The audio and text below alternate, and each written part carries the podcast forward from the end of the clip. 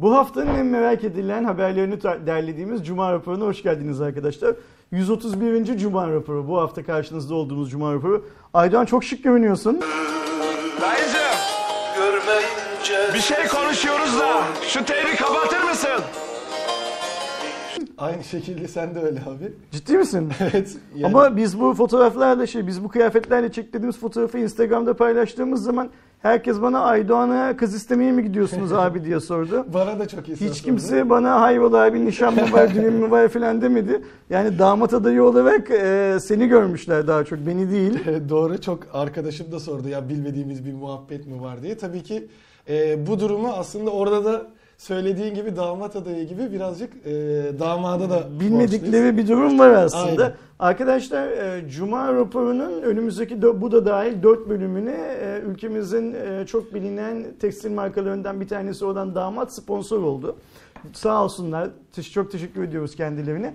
4 hafta boyunca damat kıyafetleriyle şey yapacağız. e, Cuma raporunu Böyle sunacağız. biraz da Ayrıca e, kanalımızda bu ay yayınlanan 40 tane videonun girişinde de damat introsu göreceksiniz. E, damat gibi bir markayla birlikte iş yapmaktan çok memnun olduk. Onu peşinden söyleyelim. Ayrıca e, gerçekten yani ben sana baktığım zaman şeydi de bu alışverişe gittiğimizde de bu arada biz Bakırköy Karusel AVM'deki Evet. damattan yaptık alışverişlerimizi. E, oraya gittiğimiz zaman da o sosyal medyada paylaştığımız videoda gördüğüm gibi tam damat gibi oldun. Artık buradan yürümek lazım Aydoğan. Yani bu aşamaya Yani- kadar geldikten sonra senin bu işi şey yapmıyor olman lazım. Şeyde de e, Instagram'da da paylaştığım gibi e, ya şık olarak gerçekten hani benim de çok hoşuma gitti ama orada tabii ciddi bir eksiklik var. Hani damat olabilme açısından. o İşte yüzden ben- şimdilik en azından kıyafet kısmı. ben şeyi söylüyorum hani buraya kadar gelmişken diyorum hani buradan devam et o eksiği 4 de, haftada bakalım. o eksiği de tamamla artık yani. E, geçelim mi haberlere? Tabii ki o zaman isterseniz haberlerimize geçelim. İlk olarak e, zaten geçtiğimiz günlerde de e, ortaya çıkan daha 1-2 gün bile olmadı bu haberde. Netflix Türkiye'de ofis açacağını resmen duyurdu. E, bu özellikle sosyal medyada işte temsilci barındırma olaylarından başlayıp en sonunda artık Netflix'te Türkiye'de resmi bir ofis açacak. Burada resmi yetkileri olacak. Bu konuda e, Kültür ve Turizm Bakanımız Mehmet Nuri Ersoy da e, son 15 yılda büyük e, gelişim yaşanan sinema ve dizi sektörümüzde ekonomik büyüklüğün yanı sıra e, tanıtım kültür diplomasinin önemli açısından biri haline geldiğini ve Netflix e, gibi global bir şirketinde e, Türkiye'de ofis açacağından e, çok mutlu olduğunu belirtmiş. Bir diğer yandan e, bir de sayısal veri öğrendik aslında bu e, duyuruyla beraber. Çünkü Netflix'in kurucusu ve CEO'su olan e, Reed Hastings de e, Türkiye'de olduklarından mutlu olduğunu ama Türkiye'de de 3 milyondan fazla e, Abone aboneye olduğunu. sahip olduklarını söyledi. Ben de bunun üzerine Twitter'da şeyi paylaşmıştım.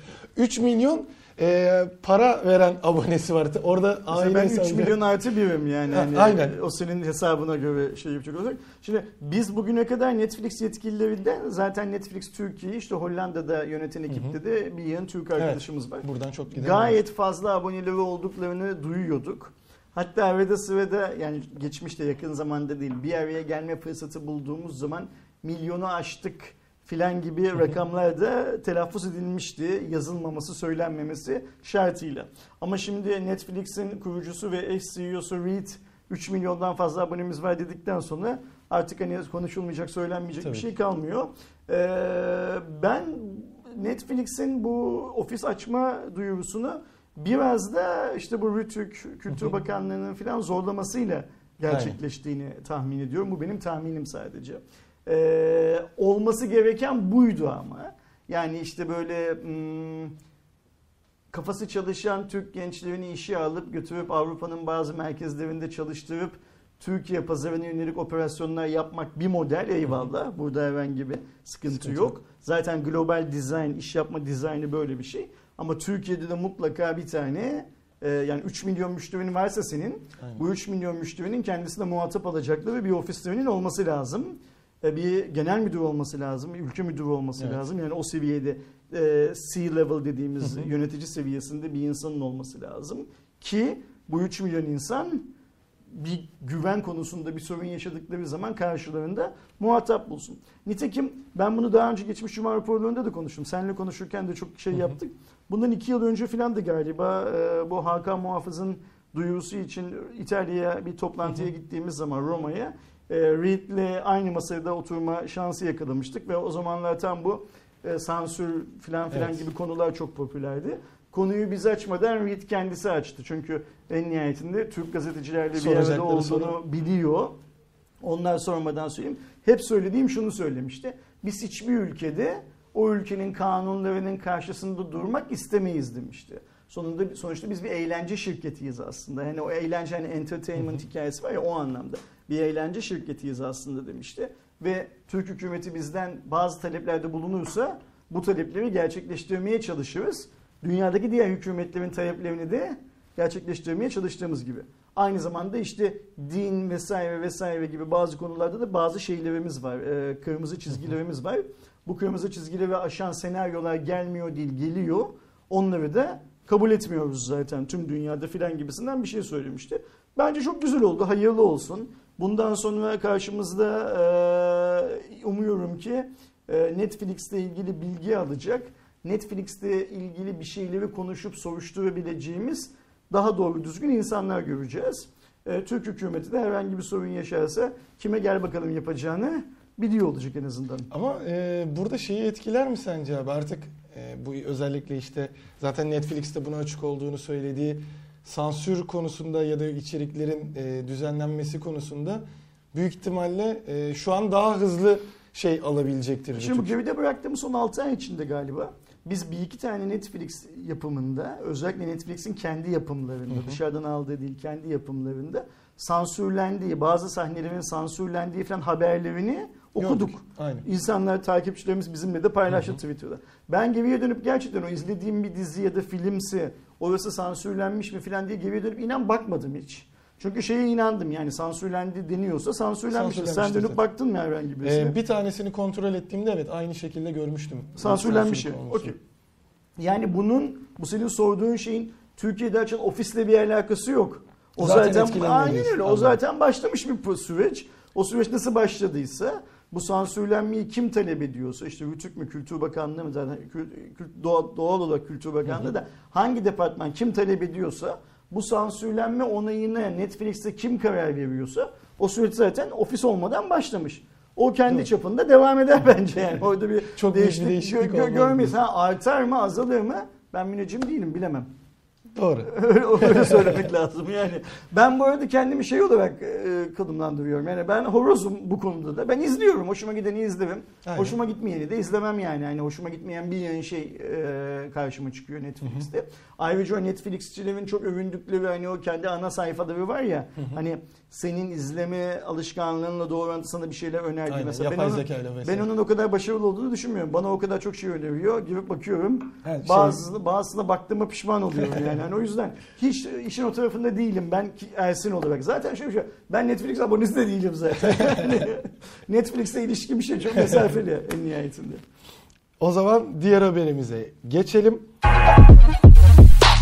Spotify zaten hepinizin hikayelerinde, Twitter şeylerinde olduğu gibi yine e, son 1-2 günde 2020'nin en çok dinlenenlerini hem sizin açınızdan bireysel olarak açıkladı hem de global ve Türkiye açısından açıkladı.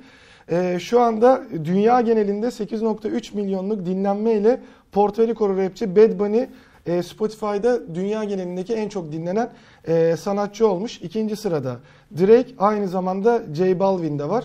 E, üçüncü sıraya da e, Juice WRLD ve e, Juice WRLD ile Weekend takip ediyormuş. Türkiye'de birinci sırada yine 3 yıl üst üste e, Ezel e, en çok dinlenen sanatçı olurken ikinci sırada Sezen Aksu e, devamında e, zaten Ezel'le çok fazla şarkı yapan e, Mörda e, Sagopa Kajmer ve Patron olmuş. Genel açıdan baktığımızda hem dünyada hem Türkiye'de hala bir rap şeyinin olduğunu Tabii görüyoruz. Türkiye'deki rap ile dünyadaki rap birbirine çok benzer rapler değil ama her iki tarafta da var. Sadece şunu düzeltelim. Sen dünya sıralamasını verirken küçük bir atlama yaptın. Ee, Bad Bunny birinci, Drake, Drake ikinci, ikinci, J Balvin. J Balvin üçüncü, o Ju- Juice e, VRL World dördüncü. dört, Weekend 5. Bir Weekend ise beşinci sırada. O öyle bir şey var. Ben e, tabii Türk sanatçıların arasında da ne yazık ki tanımadıklarım var. Mesela Murda'yı tanımıyorum. E, hiç duymadım adını. İlk kez bu listede duydum. Patronu da galiba hiç tanımıyorum. Ne yalan Bu söyleyeyim. sene evet Arkadaşlarımız lütfen yükseliş benim cahilliğime versinler şeyi ne derler işi. Ama dünyada da mesela Bad Bunny'yi e, ilk kez bu listede duydum. Sonra en sonuncu olan e, bu Juice WRLD'ü de ilk kez şeyde duydum. Ben yılın bu zamanı işte şu Spotify zamanı geldiği zaman çok sıkılıyorum yani herkes bütün Spotify üyeleri bir şeyler paylaşmaya Ben de başlıyorlar. çok yaptım şey, Ee, ve hani e, beni niyeyse böyle irite oluyorum, rahatsız oluyorum dersem yanlış oluyor. Rahatsız olacağım bir şey yok çünkü. Ama görmekten hoşlanmıyorum böyle hızlı hızlı geçiyorum o story'leri böyle söyleyeyim. Zaten orada da bir ikiye bölünmüşlükler. Hani bazıları diyor ki zaten hani sonuçta benim e, kişisel sayfam ve benim kişisel paylaşımı yapıyorum. Aynen Diğerleri öyle. de hani e, ben senin en çok neyi dinlediği benim umurumda değil zaten sen dinliyorsun diyen tarafta var. E, yani o zaman takip etme. Demek ki Evet. paylaşanın hakkı. Ben sadece şeyden irite oluyorum onu söyleyeyim. E, Spotify'ın böyle bir şeyi yılın bu zamanında açıklaması e, aslında hmm, takvim yılı olarak da öyle herkes ayın yılın birinde abone olmuyor ki Spotify'a. Ha tabii ki. Yani mesela senin 365 günlükken benim 10 günlük olabilir listem. Bir Doğru. başkasının bilmem kaç günlük olabilir. Öyle bir şey. İkincisi Spotify için bu çok güzel bir pazarlama Kesinlikle. şeyi, opsiyonu. Ve e, tüm dünyadaki Spotify kullanıcıları bila bedel, ücret almadan e, Spotify'ın reklamını yapıyorlar. Nasıl böyle bir akım başladı, nereye doğru gidiyor hiç Son bilmiyoruz. iki senedir falan var galiba. Yani 2018'de ilk başlattılar diye hatırlıyorum. Ya da en azından e, Türkiye'deki böyle hani paylaşımları o dönemde görmüştüm. Tabii ki bele- bedavaya bir e, paylaşım da yapmış oluyorsun. Aynı zamanda şey de oluyor tabii hani e, karşılıklı olarak insanlar birbirinin şeyini de görmüş oluyor. Yani ben biraz daha iyi tarafındayım. Hani Ha, okey. duymadığım etmediğim bir e, şarkıyı ya da sanatçıyı görmüş oluyorum. En azından Güzel fikir. e, şarkı zevkini bildiğim arkadaşlarım paylaştığında. E, o açıdan işin güzel tarafı ama tabii Benim ki en müzik nihayetinde- zevkine çok güvendiğim ama böyle sosyal medyada hesabı falan da çok olmayan bir arkadaşım geçen yıl bana konuşurken benim mahremim o dedi ne paylaşacağım dedi. Tabii öyle düşünenler de var. Kesinlikle o açısı da e, var.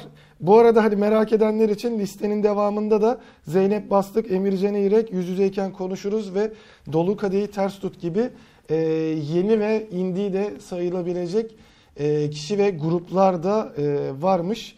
En azından hani genel olarak bilinen listedeki büyük ihtimalle tabii ki Sezen Aksu'dur.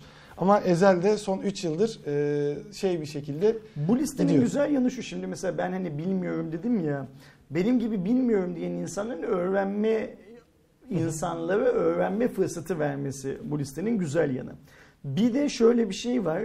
İşte mesela yaşı yeten arkadaşlarımız hatırlarlar. Geçmişte Türkiye'de bir Türk popu patlıyor filan dendiği Evet. dönemde Kral TV listeleri bilmem ne işte radyoların kendi listeleri şunlar bunlar filan vardı.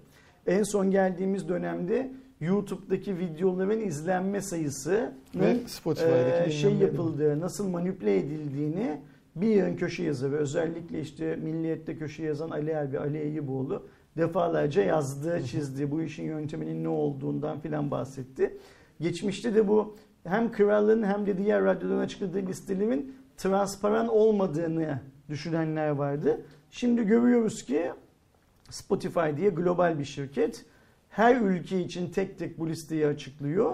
Hiç kimse de kalkıp bu listeye itiraz edemiyor. Zaten şey tarafı da var. E, Sanatçılara da e, ne kadar Telif- dakika Aynen dinlendiği ve e, kaç milyon kere ya da kaç milyon dakika dinlendiği paylaşımları da yapıldı. Ve o yüzden de ortaya çıkıyor ki dünya rap dinliyor. Kimse başka bir şey Aynen. Söylemesin bu yani. Hani e, 2015'ten itibaren böyle bir yükselişe geçip son 2-3 yıldır Türkiye'de dahil olmak üzere dünya genelinde bir rap durumunun olduğunu e, görüyoruz deyip yeni haberimize Tamam. e, geçiyorum. Nvidia'nın e, merakla beklenen RTX e, 3060 ya da e, 30 serisinin yeni üyesi tanıtıldı. Özellikle e, 3090'ın performansı, 3080'in performansını gördükten sonra tabii ki bir de işin içine dolar kuru gelince 3070 e, Türk insanının odağındaydı ama aynı zamanda 3060 ailesi de bekleniyordu. Burada e, 3060 Ti ön plana çıkıyor. Nvidia'nın önerdiği e, satış fiyatı da 4545 liradan e, başlayacağı anlaşılıyor. En temel e, yanıyla farkı da geçtiğimiz e, ailenin yani RTX 20 serisindeki tepe modellerinden biri olan RTX 2080 Super'in de üstüne koyabildiği ve e, daha iyi bir performans sergilediği FPS ve diğer açılardan R- e, RTX 3060 ailesinde görünüyor. Bu yılın 2020 yılının altın yumurtlayan tavuğu Nvidia bence. Sürekli e, yeni bir şeylerle müşterinin son kullanıcının karşısına Karşısına çıkıyor. çıkıyor. Yani tüm chipset ürettiğini söyleyen chipset günümüz teknolojisinin en temel taşı Aydoğan. Kesinlikle. Chipset ürettiğini söyleyen tüm şirketlerin kendilerine örnek alması gereken bir e, stratejiyle gidiyor Nvidia. Yani e, bu yıl bu kaçıncı lansmanı, kaçıncı duyurusunu ben saymayı bıraktım artık. Evet yani, teknoloji açısından baktığımızda daha yani önce yenilik olarak vardı. sadece çünkü bunlara yeni Üründen model gözüyle aynen. bakmak bir şey değil, e, mantıklı değil. Yani bunlara sadece yeni ür- ürün, Nvidia işte e, 3000 ailesinin 3060'ları da 30'ları da piyasaya sürüyor diye bakarsak bir şeyleri kaçırıyoruz. Çünkü her yeni üründe Nvidia ürüne bir şeyler ekliyor. Fiyatı aşağıya düşürmeye çalışıyor. Evet. Çok yeni bir şeyler eklediklerinde fiyat doğal olarak yukarıda kalıyor filan. Süper işler yapıyorlar. Biz bunu bir iki hafta önce Cuma raporunda yine konuştuk. Aynen bu montanda. Artık ayın e, dördündeyiz. Şurada 20-25 gün kaldı yılın bitmesine. Hala da Bir tane daha bir şey gelirse bu adamlardan şaşırmayacağım. Yani bir tane daha önemli bir şey gelirse şaşırmayacağım öyle söyleyeyim. Ama zaten eee, şey açısından da baktığımızda yine işte dediğim gibi eee Türkler için, Türk insanları ya da şu anda işte ekran kartını değiştirmeyi planlayan insanlar için baktığımızda ilk başta işte 3090'lar, 3080'ler çok pahalı geliyordu. E, tabii ki buradaki 4545 lira e, Founders dediğimiz hani Nvidia'nın e, ürettiği versiyon üzerinden. Ama zaten belli başlı gigabaytın falan da ufak tefek e, listelenmeye başladı. Hani 5000 bandında olacak gibi Şimdi oluyor. fiyat her halükarda pahalı olacak. Çünkü artık bugün bir doları işte yaklaşık 8 liradan Aynen. hesaplıyoruz. Yani dönelim şimdi 3 yıl öncesine 4 yıl öncesine 3,5 liradan hesapladığımız zamana bakalım. E, o zaman çok ucuz olacak bu cihazlar. Benim söylemeye çalıştığım şey şu. Bunun daha pahalısı da var. O hayal zaten artık Yani hiç ulaşamayacağız. 20 bin liraya kadar Bunlar belki bazı arkadaşlarımızın daha kolay ulaşabileceği şeyler olacak. Ve sırf Türkiye'de değil bu dünyada, Dünyada da, da öyle. dünyada da o en pahalıları alamayan ve bunları bekleyen ama iyi performans arzulayan insanlar Evet. var. Bunu da unutmamak lazım. Ya zaten hani en azından burada ciddi bir performans artışı olduğunu ve e, Full HD ve 2K'da çok ciddi e, şeyler yapacağını gördük. Zaten ilerleyen dönemlerde de e, hem Gigabyte'dan hem MSI'den hem Asus'tan tahminimce e, bize de test örnekleri gelir. Mutlaka. Özellikle kıyaslayarak e, görürüz diyelim E, ve yeni haberimize geçelim. Özellikle işin içinde iki e, Türk'ün de olduğu Pfizer ve e, BioNTech'in aşısı önümüzdeki haftadan itibaren İngiltere'de vurulacağı açıklandı. Bir diğer yandan Rusya'da da e, Putin önümüzdeki hafta Sputnik 5'in vurulmaya e, başlanma talimatını da vermiş. Artık Şimdi biz bu ciddi hafta e, İngiltere'den onay aldığını Evet. öğrendik. Öğrendiğimiz gün Eray hemen aşı ile ilgili bir tane Bir- video bir tane çekti. güzel bir Çok video güzel bir çıktı. video çekti. Kanalda var. Merak eden arkadaşlarımız açıp o Eray'ın videosunu izlesinler. Ee, onayın alınmasından kısa bir süre sonra bir hafta sonra filan da İngiltere'de ilk şeyler e, Genel vurulmaya başlanıyor. aşılama Şimdi önümüzdeki hafta Amerika'dan da Fed'den de onay alması bekleniyor Aynen. teorik olarak şeyin bu e, Pfizer'ın ürününün yani işte işin içinde iki tane de Türk'ün olduğu Evet. bizim yüzümüzü güldüren ürünün. Ee, bu arada Türkiye'de de Sputnik 5'in test süreçleri başladı. Ee, onu da araya sıkıştıralım. Ee, benim bildiğim kadarıyla galiba ya 11 ya 22 tane hastanede Hacettepe e, Üniversitesi Tıp Fakültesi'nin denetiminde e, şu anda şeyler yapılıyor. E, testler Testler yapılıyor. yapılıyor. Yani Rus aşısını da Türkiye'de kullanı şey yapılıyor, test edilmeye başlandı. Üçte bir oranında sanırım placebo varmış Aynen. şeylerin arasında, testlerin arasında. İşte bir 15-20 gün sonra hmm, sonuçlara bakılacakmış filan filan. Ee, o da şey bir gelişme, önemli bir Evet. gelişme Çin aşısı da sipariş verildi. verilmiş. vesaire. Ayrıca şunu da biliyoruz ki e, bu Pfizer'ın aşısı da Türkiye'ye büyük bir ihtimalle e, onaylar alındıktan sonra gelecek. Ve yine e, çok dillendirilmese bile test için Türkiye'ye gelen e, Pfizer aşısı da var. Onu da e, sistemin içinde olan bazı arkadaşlardan duyuyoruz. Hatta izliyorsa e, teşekkür edelim. Bizim takipçilerimizden bir tanesi de geçtiğimiz bir ayı e, hoca ile birlikte Almanya'da geçirdi. Çünkü Evet. Türkiye'de daha önce kendisinin asistanlığını falan yapmış. E, gelirken de kendi yanında e, epey bir test ürünü getirdiğini ama lojistik olarak işte Eren o videoda paylaştığı eksi 70 Yüz derecede derece gibi, korunması evet. bilmem ne filan filan gibi şeyler için çok büyük bir e, ne derler transport e, e, Taşıma- taşıma sorunu olduğundan filan bahsetti. Lojistik. E, umu, lojistik sorunu. Umuyorum ki bu aşıların tamamı başarılı olsun. Çünkü dünyanın şu anda içinde bulunduğu dönemde bu aşıyı Türk mü üretti, Aynen hiç e, fark. Rus mu üretti, Çin mi üretti diye çok fazla bakabileceğimiz bir şeyde değiliz. Kesinlikle. Eşikte değiliz. E, ama tabii ki bu da demek değil ki Pfizer'ın aşısının içinde Türk bilim insanlarının katkılarının olduğunu da O görmezden ayrı e, görmezden geleceğiz. bir şey. Ee, bakalım önümüzdeki haftalar ne olacak? Biz bu aşı mevzusunda büyük bir ihtimalle Uzun bir çok süre. fazla şey yaparız. Ne derler? Cuma raporlarında konuşuruz büyük bir Zaten ihtimalle. e, Sağlık Bakanımız e, Sayın Fahrettin Koca'nın açıklamasında da şu an anladığım kadarıyla Türkiye'deki sistemde Çin'den sipariş edilen 50 milyon doz e, belli aşamalarla e, uygulanmaya başlayacak testleri tamamlandığında Hı hı. Türkiye'deki. E, orada bir tabii ki erken aşılamadan e, dolayı bazı insanların çekinceleri de var ama sonuçta burada tabii ki e, bilimsel bir çalışma olmadan e, şey yapılmaz. Ama anladığım kadarıyla galiba Çin aşısı e, ücretsiz bir şekilde e, bu Ben aşamalarda talep eden yapılacak ama işte sen Pfizer'ın e, ya da diğer işte Oxford'un vesaire aşılamalarını da istersen belli oradaki e, lojistik vesaire sonucunda çıkan maliyette o ücreti ödersen onu da olabileceksin gibi ben, bir ben, ben de öyle anlıyorum. galiba. Sayın Bakan'ın yaptığı açıklamalardan ben de öyle anlıyorum. Yani bu daha böyle çok net bir şekilde söylenmiş Hı hı. değil. Ama ben de öyle anlıyorum. Sana bir şey soracağım. Aşının menşei fark etmeksizin sen aşı olacak mısın geldiği zaman? Ee, ben kendi açımdan planlıyorum. Ee, çünkü yani zaten şey var işte tabii ki yine söylentiler var aşı şöyleymiş böyleymiş. Oradaki tek çekindiğim nokta evet şu anda dünya genelinde de e, bu işi biraz daha e, tolere edebilmek, önüne geçebilmek adına e, tam test süreci tamamlanmadan da bir geçiş olacak gibi. Orada bir çekincem olabilir ama sonuçta burada e, bilimden bahsediyoruz, bilim insanlarından bahsediyoruz. Yani hadi bakalım bunda bir şey yok hani e, merdiven altı gibi bir durum olmadığından da bildiğim için orada ben e, bilim tarafına fazlasıyla güveniyorum. Ben Bu aşı- ihtimalle olurum ben. Ben yapılan aşı çalışmalarının tamamının e, içinde bulunduğumuz konjektürde e, hızlandırılmasını normal Bir karşılıyorum. de Çünkü artık dünyanın geçmişe göre şey de ge- değişti. şey yok, zamanı Teknolojimiz yok. vesaire de gelişti. Birçok insan ölüyor dünyanın her yerinde. O yüzden bekleyecek zaman yok. Ee, bu aşının, bu virüsün de kendi kendini yok etme gibi bir şeyi yok. Durumu yok. Yani ölmüyor, e, gitmiyor, hayatımızdan çekilmiyor. Fakat buna rağmen ben aşı vurulmaya başlandığı zaman hemen gidip ilk aşı yaptıran insanlardan bir tanesi olacağımı sanmıyorum. Bunun bir iki nedeni var benim açımdan. Birincisi öyle kalabalıkların içine girmek konusunda biliyorsun çok şey değilim. Ee, yani sırf bu. Covid süreci değil. Genel, Genel anlamda olarak, çok evet. mutlu değilim. Yani ben kendimi herhangi bir AVM'de falan da çok huzurlu hisseden insanlardan değilim mesela. Ee, o yüzden hani böyle gidip bir sıraya girme, bir şeyler yapma filan sürecinde hani bir an önce olma aşıyı olayım da kurtulayım filan gibi bir şeyim olmayacaktır.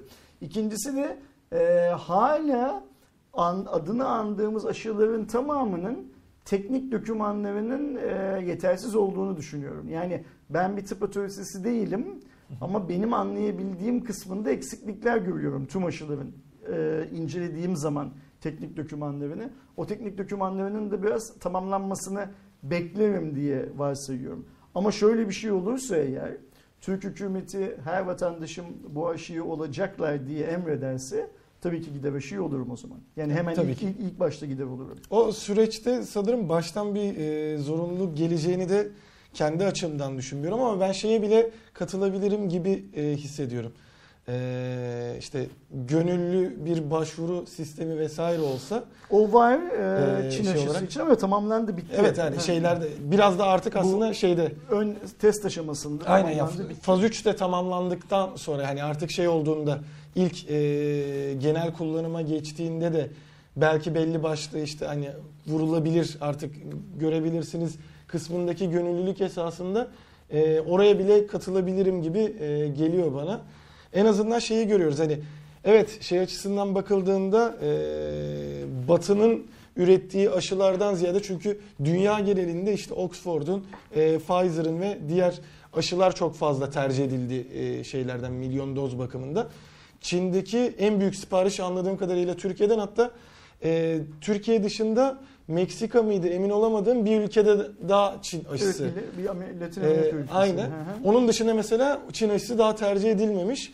Orada bir çekincem oldu acaba hani tabii ki yakın ilişki zaten test sürecinde de Türkiye dahildi bu Çin aşısının. Ondan dolayı böyle bir şey olmuştur gibi de ama zaten ben- Çin'de ben- uygulanıyor şu an. Ben hiç böyle düşünmüyorum biliyor musun? Bunlar da pazarlamanın başka şeyleri, yolları. Tabii ki. Yani hani McDonald's endeksi filan gibi işler bunlar da. Ee, Çin'in ürettiğinin e, yetersiz, Pfizer'ın ürettiğinin daha yeterli olabileceği fikri nasıl ve nasıl oluyor, nasıl ve yapılıyorsa bilmiyorum. Bizim bilinçaltlarımıza bir şekilde işleniyor. Evet. Ya o Yani çok Çin malı e, şeyinden başlıyor yani tanımlaması mesela hiç kimse şey demez mesela. Amerikan malı demez yani mesela Japon malı falan ama Çin malı muhabbeti vardır ya. E, aşı konusunda ona katılmıyorum. Çünkü aşının üretim prosesi bilimsel bir pro- Evet. süreç. Yani hani bu- şey burada şey yapamazsın. E, dünya normları dışına çıkamıyorsun Kesinlikle. zaten şey anlamında. O yüzden ben bütün aşıların gerekli izinler alındıktan sonra ne vaat ettiğine, teknik doküman dediğim şey de o. Ne vaat ettiğine bakarım Yüzdeliğine sadece. vesaire. Aynen öyle. Vaat ettiği şeye ikna olur, gider aşımı olurum ama teknik dokümana bakmak istiyorum kendi açımdan. Tek şeyim bu, ne derler, çekincem bu. Yeni bir haberimize ve genel olarak e, benim şahsen merak ettiğim ama bu Bütün kadroyu gördüğümde. E, şu an genel bir eleştiri oklarının aldığı. Biliyorsunuz e, Amazon Prime'da e, Yüzüklerin Efendisi'nin bir serisi gelecek. E, bu duyurulmuştu. Çok da e, merakla bekleniyordu. Dün e, yeni oyuncu kadrosundan 20 kişilik bir kadro oluştu. Tabii ki burada 20 kişiyi de saymayacağım ama genel Bu olarak baktığımızda o- yani bu 20 kişi sadece bir kısmı aslında Evet, iş. tabii Yani ki. O kadar geniş bir şey var ki, cast var ki Kesinlikle. şeyde. Ama buradaki işte e, eleştiri e, alan kısmı e, şöyle en azından 2-3 kişiyi sayayım. Kaçını biliyorsunuz bilmiyorum. Ben hiçbirini bilmiyorum bu arada. Power'dan e, tanınan Cindy Adai Robinson varmış. Years and Years'dan Maxim Baldry. E, Top of the pardon. Top of the Lake'den e, Kip Chapman, e, stand-up komedyen Anthony Krum gibi e, isimler var. Bütün listeyi zaten e, ben aşağıya da e, eklerim. Haber linkinde de görebilirsiniz. Ama genel olarak baktığımızda e, çok büyük ve çok büyük bütçelerle yapılacak. Amazon'un gerçekten ciddi bir bütçe ayıracağı işte e, tanınmamış kişilerin olması acaba çekmeseler mi e, şeyini getirdi dünyada. İşte ben e, Lord of the Rings'in sinemaya uyarlandığını ilk gördü, duyduğum zaman öf ne gerek var böyle bir şey demiş bir adam. Gerçi evet şeyde Ee, ta ki Matrix'in hangi seviyesi o ikinci filminin e, gelecek program fragmanında o işte gölde bunu daha önce de anlattım burada gölde kayıkla gidiyoruz ve o iki tane işte kapıyı yani, yani kapıyı gördünüz. O sahneyi görünceye kadar ben gidip bu filmi izlemem filan diyordum. Niye? Çünkü o sahne e, Tolkien'in kitapta anlattığı sahneyle birebir aynıydı her anlamda. Sonra filmlerin üçünü de izledik. Gelen filmleri de izledik. Bilmem ne filan filan filan. Çok gayet de başarılı olduğuna Evet. karar verdik. Yani şunu söylemeye çalışıyorum. Ön yargı aslında bizi her zaman sonuca götürmüyor. Şimdi ben bu dizi kadrosunu eleştiren arkadaşların eleştirilerinin mantığını da anlıyorum. İşte onlar istiyorlar ki işte Liv Taylor'da olsun yani filmden alır ama şöyle bir şey var. Biz filmdeki karakterlerin yerine başka insanların oynadığını görseydik yani Peter Jackson filmdekilerin yerine başkalarını seçseydi o başkalarını başarılı zannedecektik. O da var. Şimdi buradaki seçimin de öyle yani hani bu işe senin söylediğin gibi bu ucuz bir iş değil. Belki de dünya dizi tarihinin en pahalı dizilerinden birisi haline gelecek belki bu. Orada da Ee, çok büyük kadroları Çok kullanmak büyük da- kadro var, e, çok büyük para harcanacak. Yani tombala çekmemişlerdir mutlaka. Tabii ki. E, gerekli araştırmalar yapılmıştır. Bu adamların hepsinin telefonu çalıp gel seni seçtik olmuş. Bunlar e, saatlerce provaları alınmıştır bilmem ne filan filan. Ben diziyi merakla bekliyorum. Kesin. Dizinin e, kitapların hakkını daha iyi verebileceğini de düşünüyorum bir yandan uzunluk anlamında. Çünkü yani her ne kadar filmler üçer saate yaklaşan süreleri olsa da Extended o, kitap, o kitapları hani tam olarak karşılayabildiler mi bilmiyorum. Tabi burada şey de çıkıyor handikap olarak. Dizinin biraz sıkıcı olma ihtimali de var. Eğer hani o Tolkien'in betimlemelerinin tamamına girerlerse Ki zaten öncesine de e, geçeceği söyleniyor. Şu anda ortaya çıkan hani paylaşılan bilgilerde e, Yüzük Kardeşliğinden de önceki dönemi e, göreceğiz. Yani o e, konsey kurulmadan e, önceki dönemi de gösterecekler. Sadece o havayı dediğin gibi e, yansıtmalarını çok isterim. Hani en azından e, farklı farklı bölgeleri gördüğümüzde işte o e, şairin neşesi de e, görülmesini isterim. Zaten senin de dediğin gibi hani isimlerin tanınmıyor olması tabii ki bu işin kötü olacağı da anlamına gelmez. Belki bu isimlerin zaten yıldızlaşır. Ha, Çünkü birçok bir isim Yüzüklerin Efendisi'yle de yıldız, Tam bunu söyleyecektim. Dizilerde uzun şimdi mesela bu dizi büyük bir ihtimal çok uzun sürecek bir dizi. Sezonlar sürecek. Yani eldeki malzemeye bak. Hani Silmarillion'dan başla kitap Evet. olarak gel bu tarafa doğru. Bir yığın malzeme var Aynen. elde. Ee, bu kadar uzun sürecek projelerde şey yapamazsın zaten.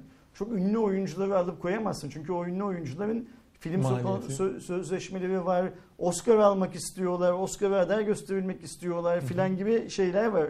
e, planlar var. Yani sen ona gel seni 4 yıl boyunca şu işe bağlayalım dediğin zaman o maliyetin altından zaten kalkamayacaksındır büyük bir ihtimalle.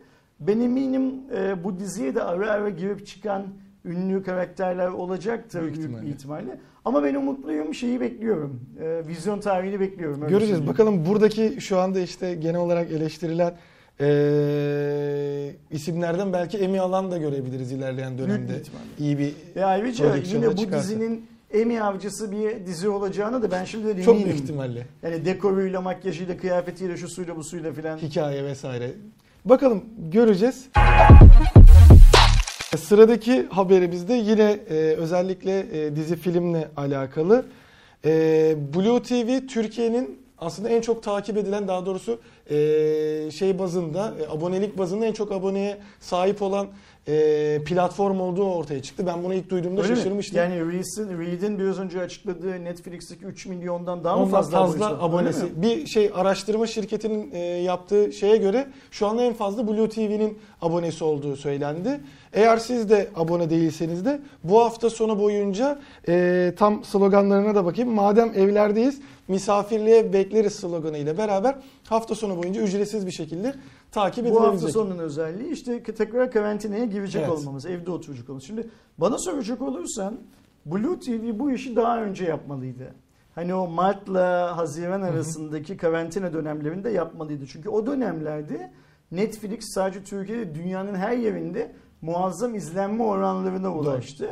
İyi bir fırsat zamanlama Şimdi zaten şeyi de açısından. e, kullanıyorlar. Hani Mart'a nazaran baktığımızda şu an elinde çok daha güzel yapımlar var ve özellikle e, Behzat Ç. severler biliyordur. Oradaki Ercüment Çezer'in Saygı diye bir e, kendi serisi de başladı. Şu an 6 bölümü de yayınlandı. Haftalık yayınlamaya devam ediyorlar. E, o açıdan biraz da burada aslında saygıdan gelen e, o Ercüment Çözer'in karakterini kullanarak bunu yapmak istiyorlar diye Bu düşünüyorum. iki gün biraz tease, iki gün bedava. Aynen. Sonra Sen istersen diziye başla. Heh. Daha devam da ediyor. Elinde Masum, Alef e, Aynen gibi öyle. e, çıplak gibi çok güzel dizileri de var gerçekten. Hani sen bir oradan e, saygıya başla ben devamında zaten senin paranı İyi, alacağım. iyi fikir, güzel fikir, güzel zamanlama. Ee, inşallah e, eğer şey doğruysa Blue Netflix'ten daha çok aboneye sahipse inşallah bu sayede aradaki farkı da açar. Öyle Açar, söyleyeyim. açıyorlar. Orada tabii biraz daha fiyatlandırma olarak şeyleri var, farkları var. Yani Blue tek kişilik abonelikte baktığımızda biraz daha e, pahalıya kalıyor ve yanlış hatırlamıyorsam eğer yeni bir şey eklemedilerse e, şu anda Blue'da zaten şey de yok. Aile aboneliği gibi bir sistem de yok. Hmm. O yüzden bir e, dezavantaj var ama öyle sistemler aile aboneliği yok diye ben izlemiyorum demek ki. Aile aboneliği olsa ben mutlaka izlerim. Olabilir ama şeyi tavsiye ederim abi. E, gerçekten Blue'ya da bir bu hafta sonu e, bak diyorsun. şans verip hani saygı Şimdi olabilir. bu akşam saat 9'da değil mi giriyoruz eve? Evet. Bu akşam saat 9'da giriyoruz. Pazartesi sabah saat 5'te. 5'e kadar. Saat 4.59'dan 5'e vurduğu anda da kendimizi sokağa atıyoruz. Kesinlikle. Koşarak o- Adrian diye.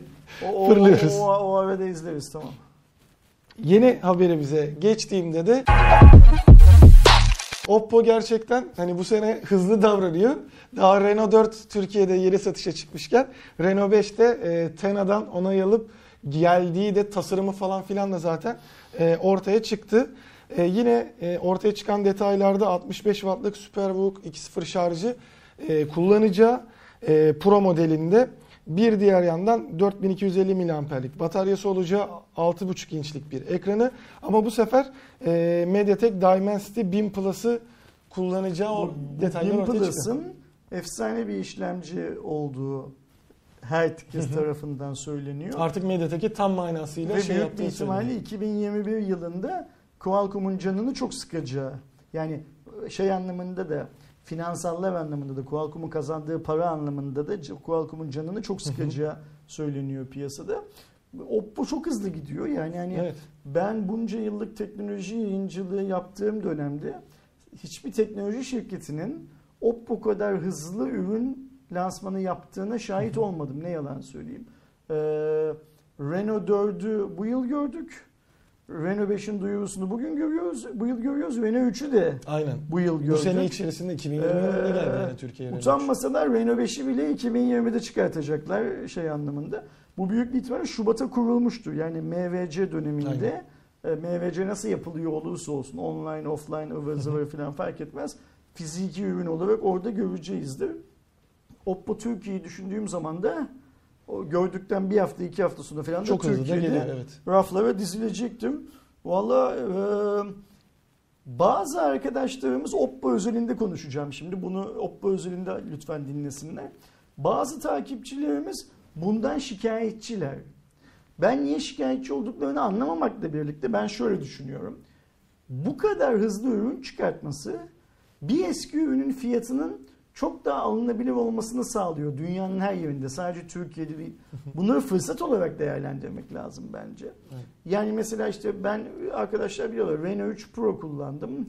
Çok memnundum Evet. cihazdan. Hala Ee, daha yılın en güzel cihazlarından Aynen biri. öyle. Yani şimdi 2020 yılının cihazlarına bakacak olsak hala bu yılın en iyi cihazlarından bir tanesi. Yani şöyle bir şey var. Sen bana desen ki Ersin bir 5 tane yılın en iyi cihazını seçsene desen ben fiyat gamlarına göre koyup Renault 3 Pro'yu içine almayabilirim şey anlamında. Fakat benim almamış olmam Bu cihazı kötü kötü falan- yapmıyor. Ben o cihazda çok mutlu bir 4 ay 5 ay kullandım değil mi? Hatta Evet, belki daha fazla daha fazla olmuştur. olabilirim. Şu süper bir makine, süper bir cihaz. Yani ve o cihazı Türk insanı bu amiral gemisi değil filan gözüyle baktı sırf işlemcisi yüzünden. E tamam da şimdi 4 seviyesi çıkmışken git al işte 3 Pro'yu. Yani hani Aynen. ne bekliyorsun? Hani Şey zaten anlamında. öyle bir e, şey esprisine bizde algıda var. İşte iPhone 12 çıktığına göre ben iPhone 6'yı alabilirim e, muhabbetiyle düşündüğümüzde Renault 3'ün fiyatının Bir düşmesi şöyle bir şey var. Biz bu Oppo'nun bu hareketlerine alışmak zorundayız. Evet. Sadece Oppo değil tüm şirketler Hepsi bu kıvama gelecekler. Yani bak ben OnePlus diyordum. Arkadaşlar yorumlarda Cuma raporunda bana Ersin senin kafan hiç çalışmıyor yazıyorlardı. OnePlus tek model çıkartıp herkesin kafasına ezen bir marka bilmem ne filan. Al bak geldiğimiz noktada OnePlus 2020 yılında kaç tane model Aynen. çıkarttı. Emin olun şey. 2021'de daha fazlasını çıkartacak. Aynı şeyi iPhone için söylüyordum. Tek modelle bu olmaz diyordum. Ama bak ara lansmanda başka cihazlar piyasaya sürmeye Aynen. başladılar. Ve tarihinde ilk kez bu lansmanda 12 seviyesinde ürün gamını tutabildikleri kadar geniş tuttular. Yani şimdi iPhone 12 mini'ye iPhone 12 ailesinin bir parçası gözüyle bakmak bence biraz saftiriklik oluyor. iPhone 12 mini iPhone'un aslında genişlettiği ürün gamının bir başka şeyi. Aynen, aslında yeni Uzant- SE gibi bir şey oluyor. Aynı ama bak görürsün biz iPhone 13 ile iPhone 12 arasında Yine bir SE gibi yine de. bir cihaz daha göreceğiz. Hatta belki bu sefer iki cihaz göreceğiz. Şey anlamında. O yüzden bu yeni şey e, şirket politikaları her markada bunu göreceğiz büyük bir ihtimalle. Buna alışalım ve kafalarımızı da buna göre yenileyelim. Yani zihnimizde bir F5 tuşuna basalım. e, Buna göre yenileyelim. Yeni düzen bu. Niye yeni düzen bu? Cep telefonu teknolojisi daha iyiye gidemiyor gidemediği için bir patinaj halinde. O patinajı sektör kendi lehine kullanmak zorunda. Şimdilik bulabildikleri yöntem bu. Bu kadar basit bence. Burada sadece e, şeyi de eklemiş olayım. Bu anladığım kadarıyla çünkü şu anda e, Oppo'da da şöyle bir durum var aslında. Seriyi yenilerken bir de serinin e, iki farklı versiyonlarını gördük. Bir LTE versiyonu, bir 5G O versiyonu. dünyanın geçişi nedeniyle Hani aslında seriyi de ikilemiş oldu. E, ben burada Mediatek'i görünce Dimensity e, başında tabii 5G takısı olmadığı için şey olabilir. LTE versiyonunun yenilen yani şu anki Türkiye'de satılan Renault, Renault 4 Pro'nun Renault 5 Pro versiyonu diye e, düşünüyorum ama şey de olabilir tabii ki. Artık 5G'ye geçişte hızlandığı için markalar artık her yeni ürününde bu ayrımı yapmadan 5G kullanacak gibi görünüyor. Zaten büyük bir ihtimalle bir süre sonra e, 5G desteklemeyen işlemcimiz Aynen. olmayacak piyasada. E, Şu an nasıl hani 2G destekleyen işlemci olmadığı gibi piyasada. E, O yüzden bu da kalkacak. göreceğiz gibi. Bu Oppo'dan kaynaklanan değil, dünyanın Dünyadan. içinde bulunduğu geçiş döneminden kaynaklanan bir şey. Sıradaki haberimize geçtiğimde e, iPhone 12'den çok bahsettik. iPhone 12 serisinde şu anda e, iPhone'la ilgili peş peşe iki haberimiz var. Aslında evet Hı. doğru. Ee, iki haberimizden ilkinde daha önce bu aslında klasik tasarımındayken şu anki eskiye dönüş tasarımında yaşadığı bir sıkıntı şu anda tekrar ortaya çıktı. 5G ve LTE'de çekim sorunları fazlasıyla bildirilmeye başlandı. Şimdi bu sorun daha önce çıktığı zaman iPhone ne demişti? Siz de öyle konuşmayın demişti. Evet, Elinizde elinizi o şekilde öyle- tutmayın elinizde demişti. o şekilde tutmayın demişti. Şimdi aynı sorun tekrar var. iPhone 12 müşterileri dünyanın farklı coğrafyalarındaki iPhone 12 kullanıcıları daha cihaz çok yeni ilk alıp kullananlar hem 5G'de hem de 4 4.5G dediğimiz LTE'de e, bağlantı sorunu yaşadıklarını rapor ediyorlar. Ee, ve bir kısmı cihazlarında servis yok mesajı aldıklarının ekran görüntülerini paylaşıyorlar sosyal medyada. Yani bu şey değil anladığım kadarıyla. Hani acaba mı diyeceğimiz bir şey değil. Çünkü ben Resmen şeylere baktım. Sosyal çıkıyor. medyadaki fotoğraflara dün gece baktım. Çok farklı coğrafyalarda benzer sorunlar var şu anda. Hmm, Apple bu sefer şey diyemeyecek. Siz de öyle tutmayın diyemeyecek. Yani daha makul ve mantıklı. Daha hani o İngilizlerin Amerikalıların çok sevdiği logical bir açıklama yapmak zorunda kalacak bence. Ee, şey yapar mı? Gelin cihazları değiştireyim der mi? Demez bence. Ee, çünkü o Apple'ın o şanına çok büyük bir kara leke olarak yapışır. Kesinlikle. Öyle bir topa girmez Apple. Ha şey yapar mı? Çözer mi? Bence Apple bu sorunu Çözebilir. çok kolay çözer. Aynen. Çok yani güncellemeyle şununla bununla falan çok kolay çözer. Eğer şey değilse tabii ki. E, Donanımsal bir sorun yani değilse. Direkt oradaki kullanılan 5G modeminden e, kaynaklı Şu şunu şey da değilse. söyleyelim. Bir önceki yıl Apple Intel'in 5G ve kablosuz bağlantı adında çalışmalar yaptığı tüm laboratuvarını, o laboratuvar, laboratuvarın elindeki tüm lisansları ve o laboratuvarın tüm çalışanlarını, global bazdaki tüm çalışanlarını satın aldı. Ee, Apple 12 lansmanında tanıdığı e, sahneye çıkan, podyuma çıkan Türk arkadaşımız da galiba o ekipten aslında. Yani Intel çalışanı iken satış sonrasında şey yapan e, Apple'a geçen arkadaşlardan bir tanesi. E, şimdi o yüzden Apple bu 5G filan hikaye ya 5G ile ilgili sorunlar aslında yine her zaman yaptığı gibi kendi üretmedi. En iyi üretenini buldu. Ondan satın aldı. Intel de bu vesileyle o iş kolundan tamamen çıktı. Zaten yaptıkları sözleşme gereği Intel'in bildiğim kadarıyla bir süre, bir 10 yıl mı ne o sektöre tekrar girmeyeceğinin garantisi falan var. Her şeyi sattılar şeyi e, Apple'a. Apple bunu iPhone 11 lansmanından önce almıştı. Ama hatırlarsın iPhone 11'de benim en çok eleştirdiğim konu buydu.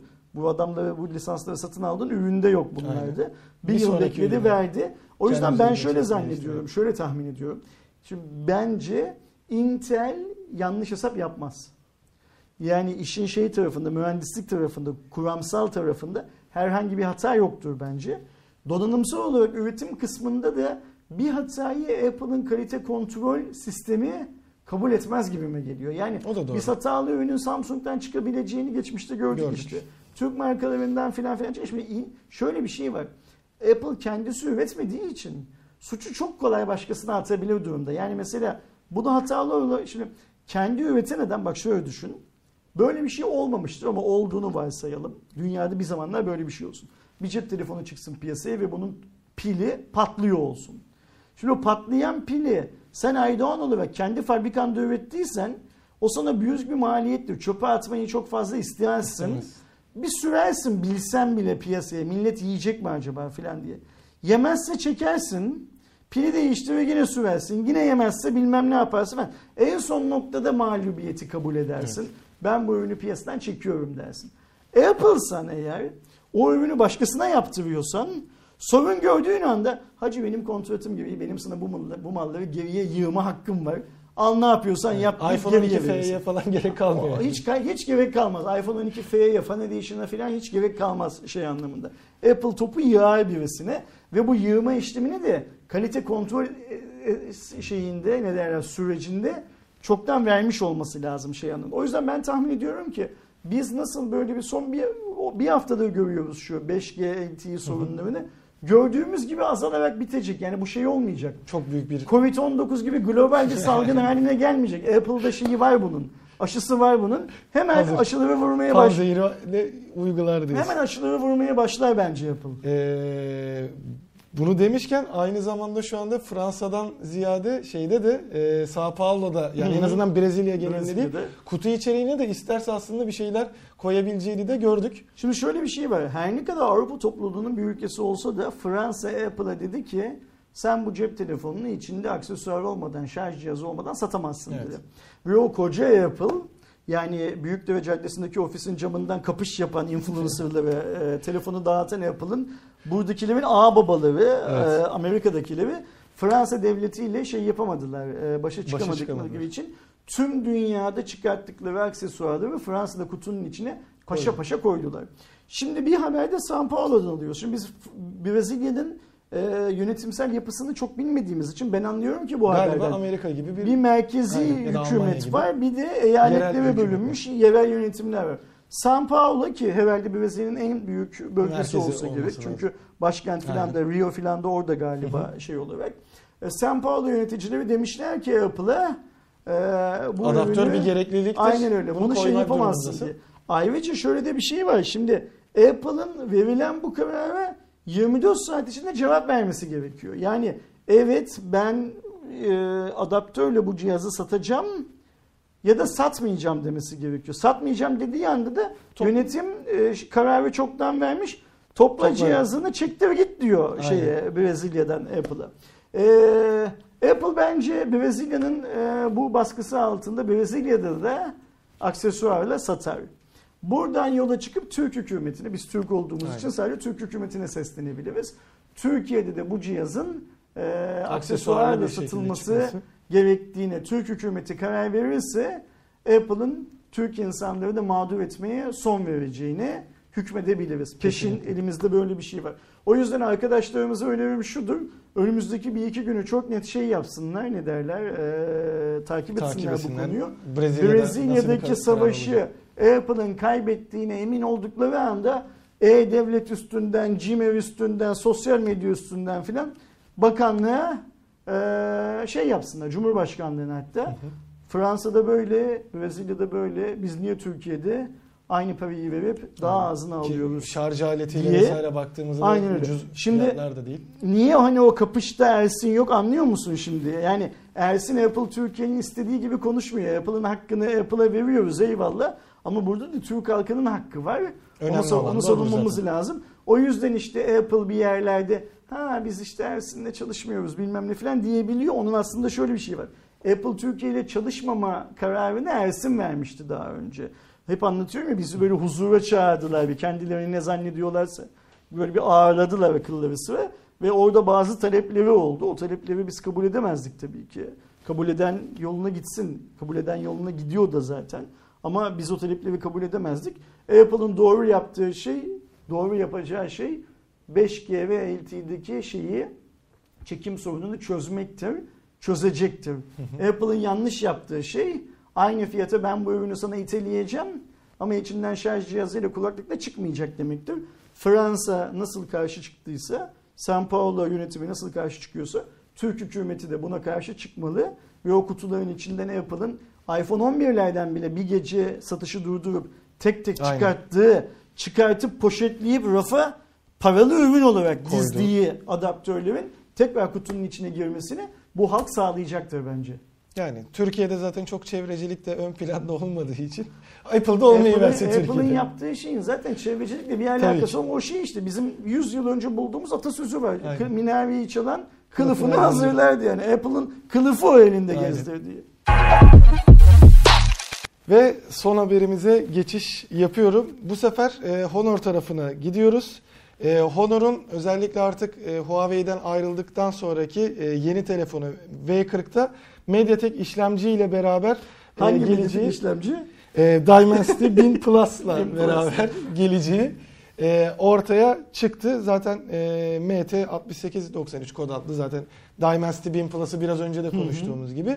Ama Honor özellikle artık Huawei'den e, ayrıldıktan sonra bu yolda yani MediaTek'le beraber gidecek gibi. Ama şöyle bir şey var. Durum da var. Ee, BIM Plus'ın da daha kuvvetlisi olan bir versiyonun da bunda kullanılabileceği varsayılıyor. Özel yani bu şeyde gördüğümüz işte Snapdragon 865 Plus gibi gördüğümüz. şeylerde 1000 overclocklu Plus Plus mı olacak ya da? bilmiyorum ne 1000 olacak. Max. Bin- Şey neydi hep geçen hafta konuşuyor şu Cem Yılmaz hani nereye Platinum E, Plati- Diamond Elite Platinum Plus. Dimensity 1000 Plus Diamond Elite Platinum Plus'ı çıkacakmış işlemcinin.